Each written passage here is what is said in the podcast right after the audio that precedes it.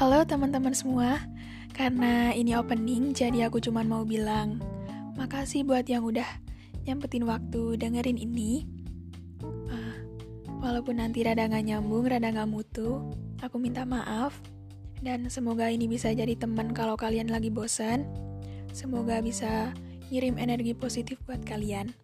Ya udah itu aja, makasih.